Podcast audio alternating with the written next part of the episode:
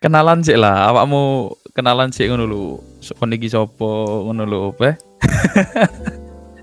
ben manusia apa Jawaan Indonesiaan. sembarang bahasa Indonesia oleh coba oleh menyesuaikan aku Hmm, ya. Kalau nama Ibrahim Garda, tapi biasa dipanggil Vigo. Teman-teman kampus, teman-teman SMA manggil Vigo. Ya, jadi untuk para pendengar, ini itu Ibrahim Garda, dulu Ketua OSIS SMA Negeri 1 Gresik. Biasa dipanggil Vigo. Waktu di Ya. UNER jabatannya apa, Mas? Waduh, kalau di UNER dulu sebenarnya nggak terlalu nggak terlalu orang nggak terlalu penting sih. Eh, kalau tahun tahun awal tahun awal nggak ikut panitia apa apa nggak ikut organisasi juga terus tahun kedua langsung mulai ikut bem fakultas Oke. jabatannya sebagai apa ya deputi olahraga Oke. Kebetulan Fakultas ada- fakultas apa, Mas? fakultas ekonomi dan bisnis Oke, FEB UNER. Terus habis itu, Mas? terus setelah itu tahun ketiga alhamdulillah berkesempatan lanjut di bem Universitas Erlangga dan diberi amanah menjadi menteri PSDM Oke. Mantap. sebenarnya itu kebetulan aja sebenarnya ada pilihan lain kayak Enggak, enggak. Tidak ada Tidak ada kebetulan. Tidak ada kebetulan. Memang Anda dari dulu luar biasa. Oke, jadi Mas Vigo ini adalah mantan Menteri PSDM BEM UNER. Jadi dia ngurusi manusia. Betul ya Mas Ya. Vigo? hmm, ngurusin manusia makhluk hidup lah hewan tumbuhan juga Segala makhluk hidup yang ada di UNER dia yang mengurusi. Nah, Go, ya ya gimana kan kondisi corona ini kan banyak mahasiswa yang ya apalagi maba-maba kan masih belum tahu kuliahnya bakal online apa enggak. Hmm, Nah, terus biasanya kan untuk awal-awal ini pastilah waktunya tempatnya maba itu berkenalan, ngerasain susah bareng-bareng, ospek bareng kan. ya benar Nah, menurutmu pandangan, pandanganmu terkait ini gimana? Kalau misalnya kalau misalnya online apa yang kira-kira bakal nanti eh, maba-maba UNER ini kalau misalnya UNER apa kalau misalnya online apa yang akan mereka tidak rasakan gitu di awal-awal kuliah? Eh, yang pasti ya, yang pertama kalau menurutku itu hype-nya jelas beda. Soalnya kalau oke. hmm, kan kalau apa ya namanya kalau misalkan langsung terjun sendiri di tempat bareng-bareng kan kayak eh, ada apa ya ada sesuatu yang susah bareng terus berjuang bareng dan dapatnya juga bareng Hmm. jadi nggak kalau online kan pasti dengan adanya entah ospek online kenalan online dan segala macam yang berbasis online ini kan pasti mengurangi rasa apa ya mengurangi rasa kebersamaan bisa mengurangi rasa kesulitan juga bisa dan mungkin menurutku efeknya bakal ke eh, tingkat apa ya tingkat kesulitan benar-benar sendiri antar mahasiswa benar pasti ntar bakal agak canggung pasti nggak kenal satu sama lain Oke. terus dalam bidang pengkaderan juga pasti kurang gitu sih Nah, kalau ngomong soal pengkaderan ini, Go. Nah, biasanya kalau UNER ini kan awal-awal itu mulai hari pertama, biasanya itu acaranya apa, habis itu dilanjut apa, ngapain gitu. Biasanya ngapain? oh. Eh, kalau UNER itu kan gini kalau UNER sistemnya kan pengkaderan awal itu dari pihak universitas. Jadi ada namanya PMMB PPMB sorry PPMB program Ah. mahasiswa baru. Nah itu waktu awal-awal ospek itu di UNER baru turun ke fakultas baru turun ke jurusan. Nah kalau untuk pertama pertama kali sendiri ya yang pasti dari pertama ospek itu ada pengukuhan. Pengukuhan bersama rektor dan jajaran eh, pihak-pihak tinggi lah. Dari universitas baik dari pihak fakultas maupun universitas di gedung ACC Erlangga Convention Center. Itu ya sekedar kayak disambut disahkan kalau dia sebagai dikukuhkan sebagai mahasiswa baru di UNER. Baik itu program mulai D3, D4, S1, S2 dan S3 itu semua kumpul dari satu DSCC ya terus ya setelah itu biasanya langsung pokoknya setelah hari pertama cuma sebagai pengukuhan hari kedua dan hari ketiga itu biasanya pengenalan kayak bagian-bagian di UNER ada kemahasiswaan, akademik Hmm, dan, ya, ya. dan lain sebagainya itu fungsinya apa aja gitu. Terus di fakultas juga gi- gimana. Nah ntar dari pihak eh, dari pihak BEM-nya sendiri untuk mahasiswa itu cuma dapat slot tiga hari yang di universitas di BEM universitas. Hmm, oke. Jadi tiga hari, tiga sampai empat hari buat laksanain prokernya. Jadi kalau di UNER namanya itu ada Amerta. Amerta itu nama ospeknya UNER. Oh, oke, Amerta. Amerta. Ya harus tiga hari itu pun juga diselingi, bisa diselingi, bisa tiga hari penuh langsung dilanjutkan sama ospek fakultas. Ospek fakultas juga eh, biasanya ya tiga sampai empat hari juga. Yang penting dalam satu minggu itu, dua- 10 hari sih, 10 hari sampai 20 hari itu itu momen ospek buat seluruh mahasiswa baru di UNER. Oh, Baik tingkat kita maupun fakultas. Oke. Jadi bagian 20 hari ya kurang lebih 20 hari awal itu adalah sebenarnya hal yang paling seru yang ada di UNER ya. Hmm. Bisa dibilang begitu, bisa dibilang begitu. Untuk teman-teman adik-adik yang tidak merasakan ya semoga eh ospek ada rencana diundur gak sih? Go. Iya, ini Atau- katanya ada jalan diundur. Ada. Kalau kan diundur ada. Oh, berarti ospeknya bakal Januari. Kalau untuk jadwalnya sih belum keluar sih, tapi yang pasti diundur. Soalnya kan apa ya? Yang pertama memang kayak dari penerimaan mahasiswa sendiri juga mun- mundur. Terus Heeh. yang kedua dari sisi mahasiswanya, dari sisi BEM sendiri juga masih belum belum ada generasi yang baru karena emang eh, masih ada banyak apa ya banyak perlu dipertimbangin lah Hmm, buat depan ini gimana buat semester depan ini. Oke, oke. Corona memang kejadian luar biasa. memang, memang tiba-tiba datang nggak diprediksi gitu ya jadi orang ini gitu. Go, kalau misalnya di UNER ya, Go, yo, biasanya kan ah, maba-maba ini ngomongin misal konteks tanpa corona kan, pasti maba-maba nggak nggak ada hmm, selain yang dari Surabaya, Sidoarjo, Gresik, yang dari jauh-jauh lah Jakarta, Bandung, Sumatera, pasti kan cari kos kan awal. Lah, kalau di UNER itu wilayah-wilayah kerajaan kos-kosan daerah mana, Gu? kalau di eh, UNER kan ya yang pertama tergantung kampusnya dulu sebenarnya kampusnya Oh, iya. tiga kan Ah. gitu ya.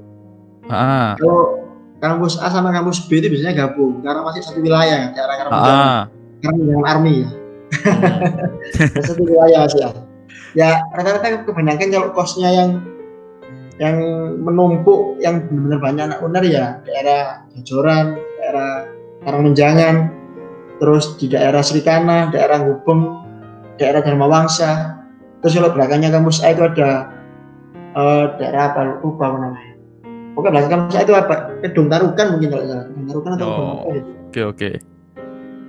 Kalau yang kampus C kampus C kan daerah Mulyo Mulyo kan Mm. Mulyo itu, eh, di belakangnya UNER itu ada di Kalijudan biasanya Kalijudan depannya UNER kalau Judan Hmm. depannya UNER itu ada pokoknya arah Kenjaran sana lah Iya, Terus selain iya. itu di kampus saya kan juga ada asrama, asrama buat putra dan asrama buat putri. Oh, itu itu di mana itu? Eh, yang asrama ya. Ah, Kalau asrama itu daftar, itu kan ada apa? Ada kapasitasnya itu. mm-mm. Jadi daftar dulu buat asrama itu. Oh, oke oke oke. Ya, semoga semester depan masih merasakan offline lah adik-adik Iya. maba. Dan yang skripsi segera bisa penelitian dengan lancar. Amin, amin. Semoga bisa lancar. Lah, kalau misalnya eh, ngomong mahasiswa, gak mungkin lepas dengan makanan murah. Nah, ada rekomendasi gak? Biasanya kan kampus-kampus itu kan pasti ada satu tempat, dua tempat yang harganya murah, masakannya e- enak, tapi tingkat higienisnya rendah. Iya, benar itu benar. Nah, kalau di UNER, ada tempat rekomendasi makan apa untuk mahasiswa-mahasiswa ini? Kalau di UNER ini sebenarnya cukup banyak sebenarnya di UNER ini. Karena emang apa ya? Kayaknya para uh, para penjual-penjual itu para pengusaha itu juga bisa lihat peluang. Di UNER Hmm. di daerah UNER ini kos-kosan ini kan kadang itu kadang ya sebagian orang-orang nggak perlu nggak perlu bikin bikin sejenis banget itu enggak tapi yang penting keluar dulu yang penting terjangkau bisa buat hidup ya cukup senang udah kalau dari daerahku ya daerahku kan Srikana dulu Ah, ah. Usulan Srikana itu ada yang jadi favorit itu ayam kremes ayam kremes apa namanya? Ayam kremes Surabaya ayam kremes Oke. Surabaya Oke. itu walaupun harganya murah tapi kebetulan tempatnya higienis terus porsinya juga lumayan banyak selain di situ ada lagi namanya ah, apa ya lupa gue ya. Hmm, kalau di daerah jajaran tuh ada terus nasi punel nasi punel juga ada di daerah Gubeng Gubeng Kertajaya. Banyak pokoknya pokoknya kalau daerah itu banyak. Kosan itu pasti ada.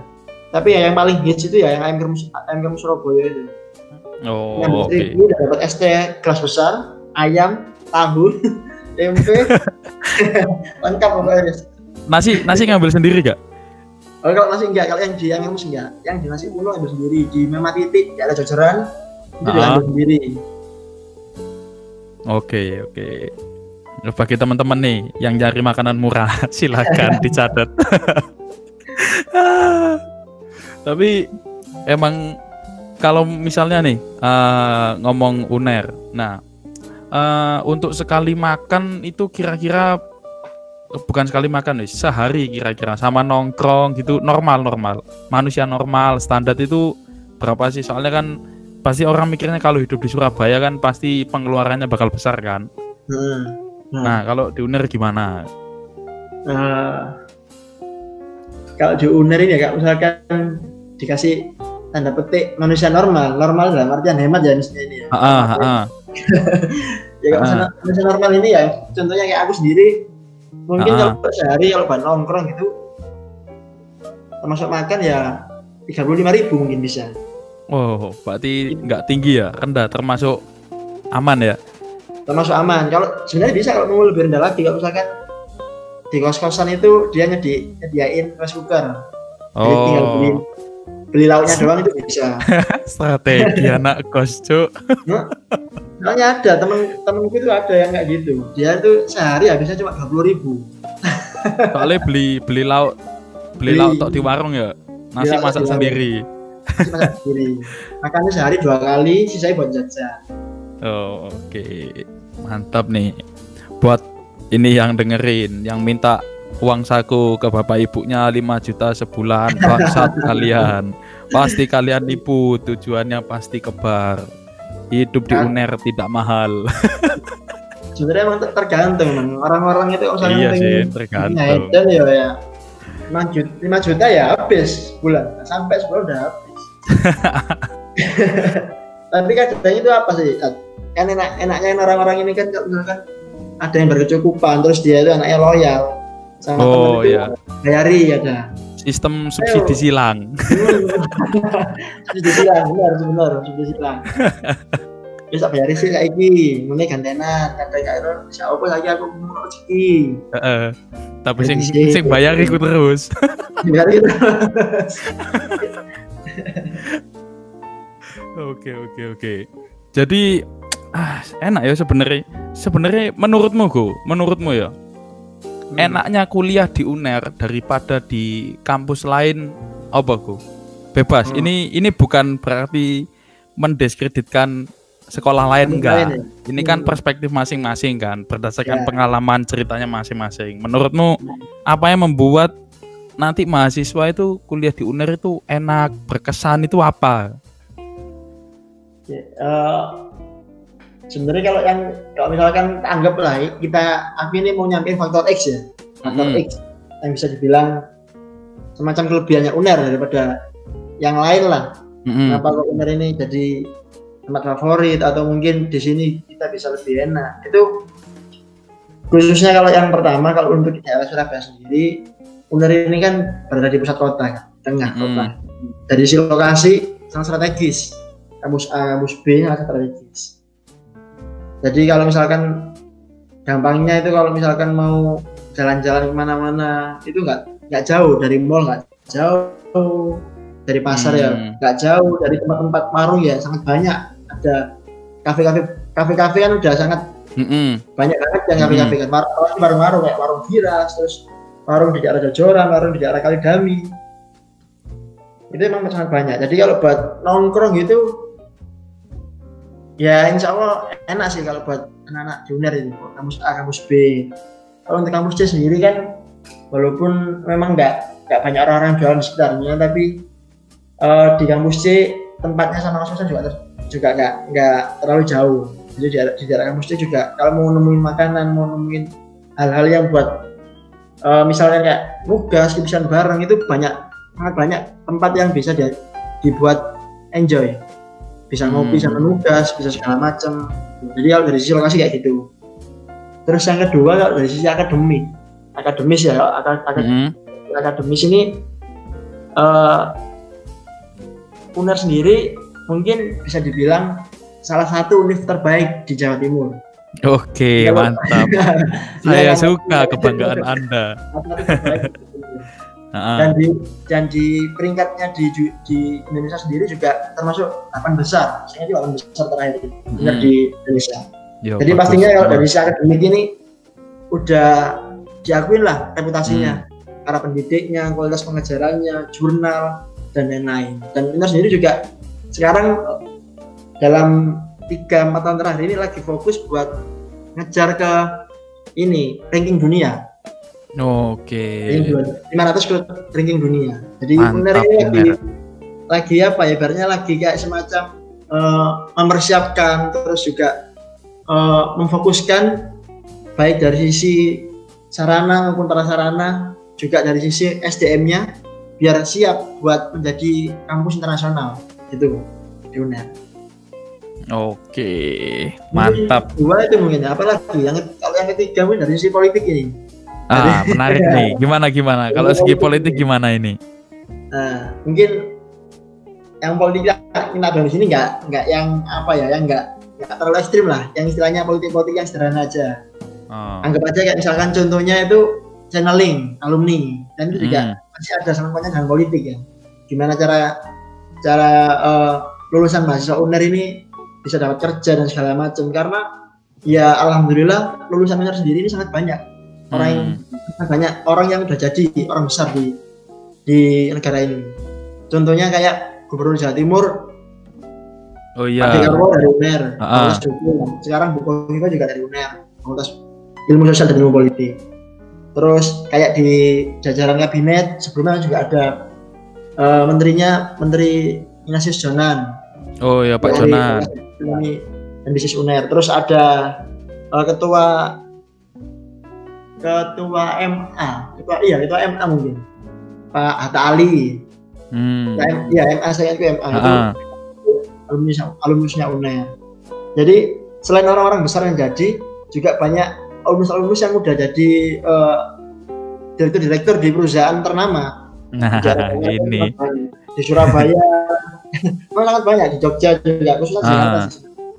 Jadi kalau misalkan orang-orang eh, atau anak-anak mahasiswa baru misalkan daftar di UNER. Ini memang jangan sampai cuma belajar akademisnya doang, tapi harus eh, harus apa ya? Harus berusaha buat tingkatin channeling. Entah itu dari sesama jurusan ataupun beda jurusan. Karena itu sangat menurutku sih sama menurut pengalaman teman-teman itu sangat berharga. Itu bisa Hmm. membantu kita bekerja besok depan. Oke. jadi mungkin tiga itu yang jadi yang utama mungkin. Vokasi akademis dan dari sisi politik gitu. Oke. Mantap untuk para pendengar yang sudah berkuliah UNER dan mau Akan. memasuki Nah. Universitas Airlangga kalian menuju kampus yang tepat. Yo. Insya Allah tapi ta- tapi emang iya sih kan UNER kan juga terkenal pasti lah UNER itu kalau orang awam aja orang awam pasti tahu UNER karena kedokterannya ya sudahlah semua orang tahu gitu kan Iya. betapa besarnya nama kedokteran UNER Hmm. Selain itu juga dia kan terkenal sama FEB-nya, terus fakultas apa fakultas hukumnya lulusannya gokil-gokil. Emang ah terbaik lah UNER lah. Ya, Sa- tapi juga ya apa ya? eh, nggak memungkiri biasanya memang di UNER sendiri masih banyak yang perlu diperbaiki sistemnya. Hmm, ya. Memang banyak masih ya. Jadi eh, andai kata misalkan dalam dalam masa-masa pandemi corona ini eh, selain selain apa ya? Selain meliburkan perkuliahan yang maksudnya meliburkan secara offline ya kan harus online kan. Mm-mm. Itu kalau tak lihat itu beberapa hari kemarin ke Surabaya, UNER juga masih lanjut perkembangannya masih lanjut. Teman-teman Hmm. di Syariah Tower dan lain-lain itu masih lanjut. Jadi kalau buat teman-teman yang baru masuk UNER ataupun masih mau nyoba Pak, buat masuk ke UNER ini ya insya Allah nggak nggak apa ya insya Allah nggak bakal kecewa lah kalau emang kalian kuliahnya beneran niat Oke. beneran. insya Allah bakal jadi bakal bisa jadi orang jadi Amin, amin. Ya, pokoknya sekolah UNER, urusan link, aman, lulusan alumni solid, ya gue ya. Hmm. Pokok selama kuliah jangan kuliah pulang, kuliah pulang. jangan kupu-kupu jangan kupu-kupu. Tapi jangan juga kupat-kupat, kuliah rapat tok, nggak tahu sinau. bisa bisa bagi waktu memang Oke, oke, oke. Lah, ah, kalau misalnya kita ngomong UNER, tiap kampus itu semacam punya stigma kan, Gu? Pasti kan? Ya, gak, gak Ya, usah kampus lah, fakultas lah misal. Fakultas di UNER. Kalau misalnya di UB kan kayak fakultas ilmu administrasi ya. Itu kan terkenal fakultas ilmu artis karena ceweknya Ya. cakep-cakep gitu kan. Terus fakultas Ya. hukum itu selalu terkenalnya tuh kayak orang-orang berduit karena parkiran mobilnya sampai parkir di jurusanku. Orang baru Nah, kalau kalau kalau di UNER sendiri ada fakultas-fakultas yang menarik gak ini? Terus kenapa? Apa yang buat fakultas itu menarik gitu?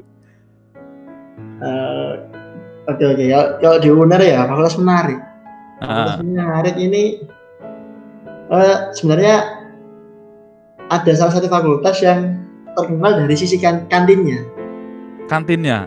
kantinnya jadi bahkan kayak teman-teman di nggak cuma di fakultas itu kayak meski beda kampus pun beda kampus A kampus B atau mungkin juga bahkan sampai beda universitas itu kalau jujuk biasanya ke sana ke, ke kantin itu kantinnya itu di daerah di fakultas ilmu budaya Oke. Apa yang Itu- bikin spesial? Nah di di kantin itu itu banyak makanan enak-enak tapi murah-murah Oh, oke.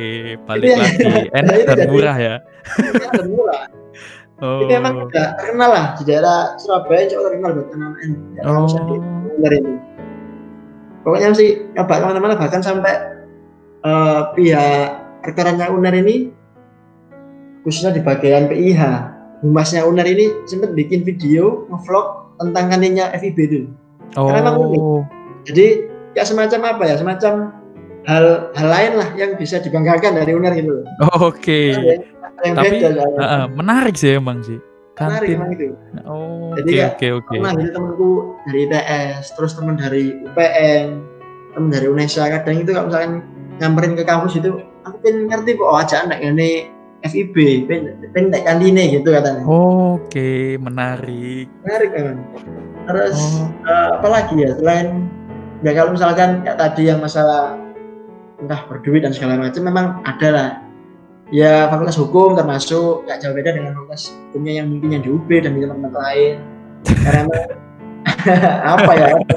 Ada yang memang sangat stigmanya emang masih kuat banyak di sana. Terus kalau fakultas kedokteran sama FK FKG kan emang udah gak bisa dipungkiri emang dua fakultas ini kan semacam ujung tombaknya fakultas di UNER kan memang kan Ah, ah. sejak awal eh, berdiri UNER ini kan karena ada FK dan FKG itu.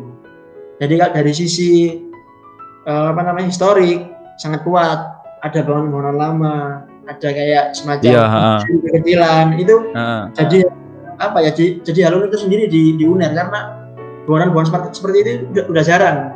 Karena di kampus C itu kan kampusnya kan masih baru-barunya kan? Apalagi hidung farmasi itu baru bikin 10 lantai hidung farmasi. Itu. Hmm. jadi kalau si bangunan itu masih masih banyak modern lah di kampus C kampus B juga sama kurang lebih sama. Oh di kampus A ini emang ada tempat spesial lah tempat tersendiri buat FK dan FKG rasanya tuh kayak lebih lebih gimana gitu terus selain ini selain FK dan FKG terus FIB yang agak asik lagi itu di daerah kampus kampus B udah kampus B kan FIB ya ini tak Hmm. bagi ya biar adil biar adil Oke, oke. Boleh, boleh. saya udah FKG kalau kampus C itu eh fakultas mana ya kampus C kan rata-rata kan juga kesehatan kan kesehatan masyarakat Hmm. sosial teknologi keperawatan terus kedokteran hewan mungkin salah satu yang unik ini di daerah kampus itu di fakultas perikanan kelautan FPK Oh iya, FPK. FPK itu mereka di FPK itu eh kampus di kampus di fakultas FPK itu juga ada semacam budidaya kayak ikan lili dan segala macam gitu. Oh, Jadi- sem- semacam tambak. Nah, semacam tambak. Belakangnya juga Oh. ada tambak. Yang kosong juga miliknya UNER, depannya juga kayak dibikin semacam tambak gitu dan sekelilingnya tambak ada kantin. Oh, Jadi ini. kalau misalkan teman-teman ini saya rasa kayak feel-nya kayak di pantai Kenjeran, pantai Oke. karena ada ada itulah belum lagi danau danau kampus C juga Ah, di- yang depan itu ya? Uner gitu. Tapi katanya sih kayak kam- kampus dan kampus C ini sudah udah di ini udah di udah dirubah. Udah nggak ada udah nggak ada dana ya sekarang kayaknya. Oh. entah mau dibangun apa itu aku masih nggak nggak ngerti ya paham masih aneh. Tapi katanya udah udah dirubah. Padahal emang danau kampus C itu kayak tempat favorit emang buat temen-temen entah buat sekedar nyangkruk entah buat pacaran ada entah buat kampus C itu emang favorit di danaunya ya mungkin itu sih mungkin yang yang unik lah sedikit unik dari dari UNER Oke. Ini go, jujur-jujuran go. Jujur ya. Hmm. ya Kalau harus diurutin, eh, sebutkan eh, tiga fakultas dengan eh, tingkat penghasil kaum hawa paling cantik di UNER. Tiga, tiga fakultas saja, tiga. Jangan lima, kebanyakan kalau lima. tiga aja ya tiga. Tiga yang- ini aku tak bilang tiga terbesar aja ya jadi bukan yang pertama ini enggak tapi tiga, tiga terbesar Oh ya, oke, Yang tiga terbesar. yang pasti ada di fakultas fakultasku sendiri fakultas ekonomi Oke, fakultas ekonomi selalu menyimpan kaum hawa yang cantik. Hmm. Oke, yang terus. aduh bening-bening emang kadang-kadang orang-orang itu. terus selain di FEB itu di fakultas kedokteran gigi Oke, FKG. Mayoritas memang Oke. cewek soalnya ya FKG ya. Ada cewek. Ah, emang banyak lah anak-anak FKG yang ngeri-ngeri itu banyak emang yang ngeri-ngeri. Skincare-nya mahal soalnya, Mas. Nggak tinggi juga standarnya soalnya. Terus Oke. yang terakhir yang tidak terbesar terakhir slotnya ini sebenarnya ada dua antara fakultas hukum sama fakultas fisik menurutku Indonesia. Oh. Tapi kalau Oke. misalkan tak pilih-pilih sendiri kayaknya lebih ke fisik ya. Oke. Ada faktor individu di sini ya. Sangat pintar membaca keadaan ternyata ya. Ya benar benar. Oke, oke, menarik, menarik. Jadi tapi fakultas-fakultas lain juga pasti ada lah itu kan ya. Berlian-berlian terpendam pasti ada ya. Para pemain-pemain terbaik, bintang-bintang muda itu pasti ada di tiap fakultas. Siap. Selalu menarik. Nah, ini ngomong hal aneh. Go. Ya. Kalau di UNER itu ada gak wilayah yang terkenal serem, terkenal banyak setannya, banyak cerita-cerita aneh lah. pasti Gitu, ada, apa, nggak mungkin mistis- Area mistis ini berarti ya. Ah, area-area mistis itu di mana aja? Kalau yang yang apa ya, yang banyak orang tahu lah, yang bukan yang udah nggak rahasia umum lagi, yang pasti di area FK. FK. FK. Hmm. Kenapa? Kan- Emang kenapa? Juga ada, soalnya di situ juga ada ini. Yang pertama kan memang bangunannya udah bangunan lawas-lawas kan memang di sana kan. Mm-mm. Jadi kayak penghuninya juga masih lawas-lawas biasanya gitu. yang kedua itu selain bangunannya lawas juga ada ini apa kamar mayat. Oh, ada kamar mayat. Mm-mm. Wah, bang. Jadi kadang kayak praktek-praktek gitu lah. Praktek-praktek di situ juga Oh ada. iya, anak kedokteran praktek pakai mayat ya. Mm-mm. Oh, Dulu sempat ada cerita kayak ini ada cerita unik ini waktu aku masuk baru-baru masuk kuliah di UNER. Eh, ceritanya gini, jadi ada ada mahasiswi, Hah? Ada mahasiswi itu malam-malam ke ke kampus ke KFK. Hmm. Entah dia itu mau ada perlu apa ada perlu apa aku lupa, entah di di sekretariat ormawanya atau nemuin dosen atau nemuin siapa atau ngambil barang apa nggak tahu. Pokoknya intinya malam-malam dia datang ke kampus. Ini katanya teman-teman yang di FK ini karena nah terus jam 9 ke atas waktu dia mau balik di, di jalanan FK di dalamnya itu dia ini ketemu sama satpam satpam. Ditanyain terusan sama satpamnya dulu dek apa kok bengi-bengi? Dan lain-lain sebagainya lah. Pokoknya percakapan. Terus ya wis hati-hati loh ya. Suwun wis disambangi katanya gitu. Nah yang si cewek ini agak aneh kok. Maksudnya yang diomongin ini agak-agak ambigu yang diomongin sama sat- satpamnya itu tadi satpam cowok itu. Terus ya udahlah udah selesai dia pulang. Besoknya dia bilang ke teman-temannya aku kemarin habis dari kampus kita cerita dia terus ketemu pak ini yang mau ngobrol-ngobrol gitu. Nah waktu dia cerita ke teman-temannya teman-temannya itu kaget. Semuanya semuanya itu kaget. Dia tanyain loh kamu saya ketemu dengan pak pak ini pak X ini? Iya aku bisa ngomong kan bahkan ditanya-tanyain gini gini gini ditemenin jalan di lorong daerah FK gitu. Hmm. Dan ternyata teman-temannya itu bilang bahwasanya Pak Satpam itu udah meninggal tiga hari sebelumnya. Astagfirullahaladzim, merinding bangsa. langsung dia tadi langsung si cewek itu. Astagfirullah. contoh mistis lah di, di kampus aja gitu. Terus mana lagi ya? Di FEB juga ada. Di daerah belakang kampus B yang di daerah lokasi di daerah FIB ilmu budaya juga ada kalau daerah kampus C itu ya kadang dananya juga lumayan angker di danau di danau terus di daerah belakang sana itu di fakultas kedokteran hewan juga lumayan. Pasti ada kok hampir tiap fakultas itu pasti ada ceritanya. Iya sih, tiap fakultas memang selalu ada tempat serem sih. serem memang Aduh, tapi serem sih bangsat. Sapam tiga hari lalu meninggal loh ya Allah. Nah, kalau di FEB sendiri aku pernah ngalamin ini temanku bukan? Eh temanku tapi dia waktu itu lagi sama aku. Kita sama-sama di sama-sama di FEB waktu itu. Ah, jam 9 malam waktu itu habis rapat apa ya rapat jurusan lah buat ngurusin ospek. Hmm. gak lama itu lampu mati sendiri sekali. Biarin nyalain lagi. Dua kali nyalain lagi. Tiga langsung serupa jadi jadi dibilang orang-orang itu maksudnya maksudnya ngono iku dia iku nyindir aja balik oh balik oh wis. Oh, ha, ha, ha.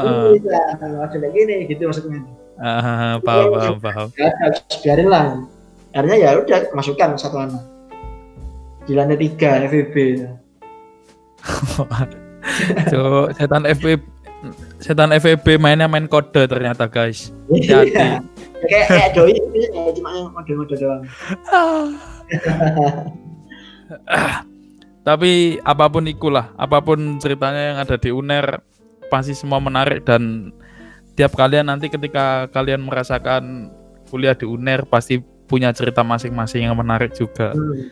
pasti pasti Oke, Go. Ini untuk statement penutupan ini, Go. Ada pesan apa buat teman-teman yang sekarang masih memperjuangkan menjadi alumni UNER ataupun untuk para maba-maba atau adik-adik nih yang besok baru mau mulai SBMPTN nih, ada pesan-pesan apa nih? jadi ini closing statement ini ya Ya, closing statement lah. Closing statement Eh, mungkin langsung tak bedain aja ya jadi tiga bagian yang pertama buat adik-adik yang mau dan baru masuk UNER Hmm, Terus yang kedua buat teman-teman yang masih kuliah dan eh, lagi berjuang buat skripsi. hmm, Yang ketiga yang terakhir buat teman-teman yang udah lulus barusan lulus lah sebagai alumni. Oke. Alumni. Jadi kalau yang buat adik-adik yang baru masuk di UNER dan masih berjuang buat terima di UNER, yang pertama ya insya Allah nggak nggak salah pilihanmu di buat kuliah di UNER ini. Karena emang UNER ini bisa dibilang salah satu universitas yang jadi uh, patokan di Indonesia, baik dari sisi pergerakan, dari sisi akademis dan lain-lain. Terus buat yang mendaftar ya tetap kudu uh, tetap semangat, tetap belajar, jangan lupa doa restu dari, dari orang tua. Ada kata misal nggak nggak terima pun, ya juga jangan berkecil hati karena emang barangkali emang kamu kayak jalan sendiri. Ada kok hmm. banyak banyak teman-teman yang teman-temanku itu yang nggak daftarnya nggak terima tapi dia di kampus lain dia nemuin jalannya, nemuin passionnya dan dari sukses hmm. juga. Oke. Okay. Tapi kalau dengar pun ya apalagi tambah lebih banyak gitu loh. Oke, okay, benar benar masuk buat mahasiswa baru tetap santai lah kamu ntar harus berusaha buat menyesuaikan gimana owner ini gimana iklim mahasiswa di sana pergerakan di sana gimana. Jangan salah milih tempat bernaung dan berproses. Terus jangan juga punya mindset yang kecil gitu lah. Hmm. terus buat teman-teman yang masih kuliah teman-teman yang masih berjuang buat nyelesain skripsi dan khususnya ya buat teman-teman yang masih baru UKT ya. Hmm. baru UKT ada potongan ini uh, gak ada potongan aduh yang pertama sing sabar. Ya ini orang yang ngomongnya kadangnya gak, gak adil kadangnya gak enak gitu. Tapi harus dilakoni.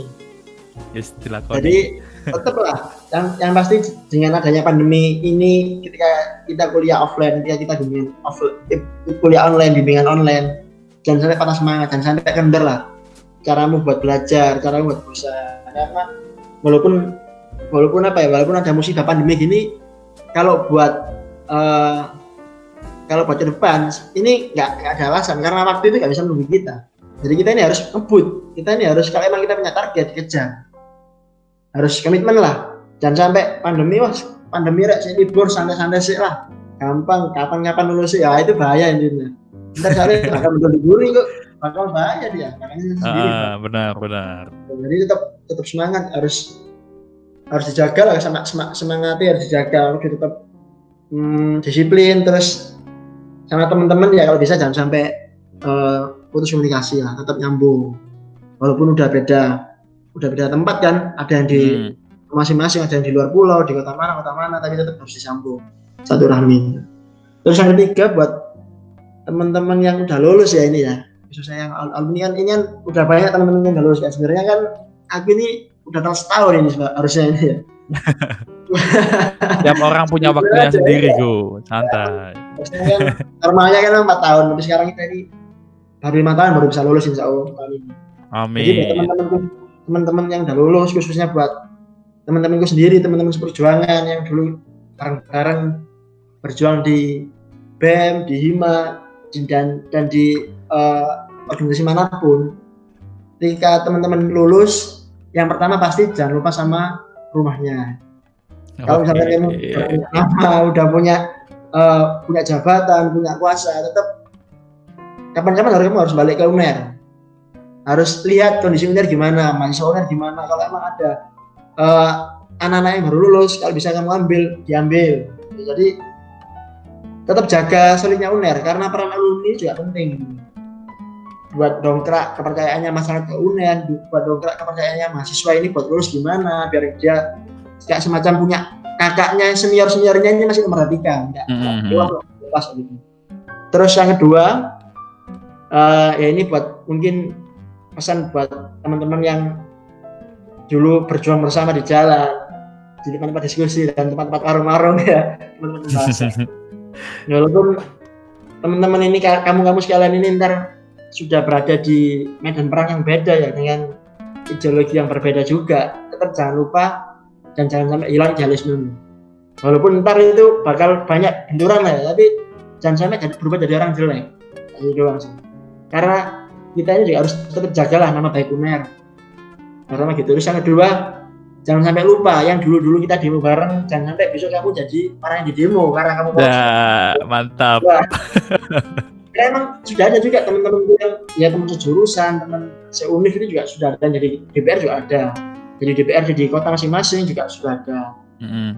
Jadi semoga kalian amanah gitu. Jangan sampai lupa perjuanganmu dulu. Amin. gitu. Ya mungkin itu doang sih dari aku buat teman-teman mahasiswa di UNER, buat keluarga besar UNER, baik yang baru masuk, mau masuk, yang masih berproses di UNER dan yang sudah keluar dari UNER. Oke. Ya, itu closing statement yang sangat luar biasa dari Mas Ibrahim Garda atau biasa dipanggil Mas Vigo. Ya, semoga pendengar bisa menikmati obrolannya dan diambil segala sisi positifnya. Terima kasih yang sudah mendengarkan. Terima kasih Mas Vigo atas waktunya. Sama-sama, alhamdulillah. Semoga tetap selalu sehat, seg- Amin, amin. segera lulus lancar. Amin. Baik, terima kasih. Assalamualaikum warahmatullahi wabarakatuh. Waalaikumsalam warahmatullahi wabarakatuh.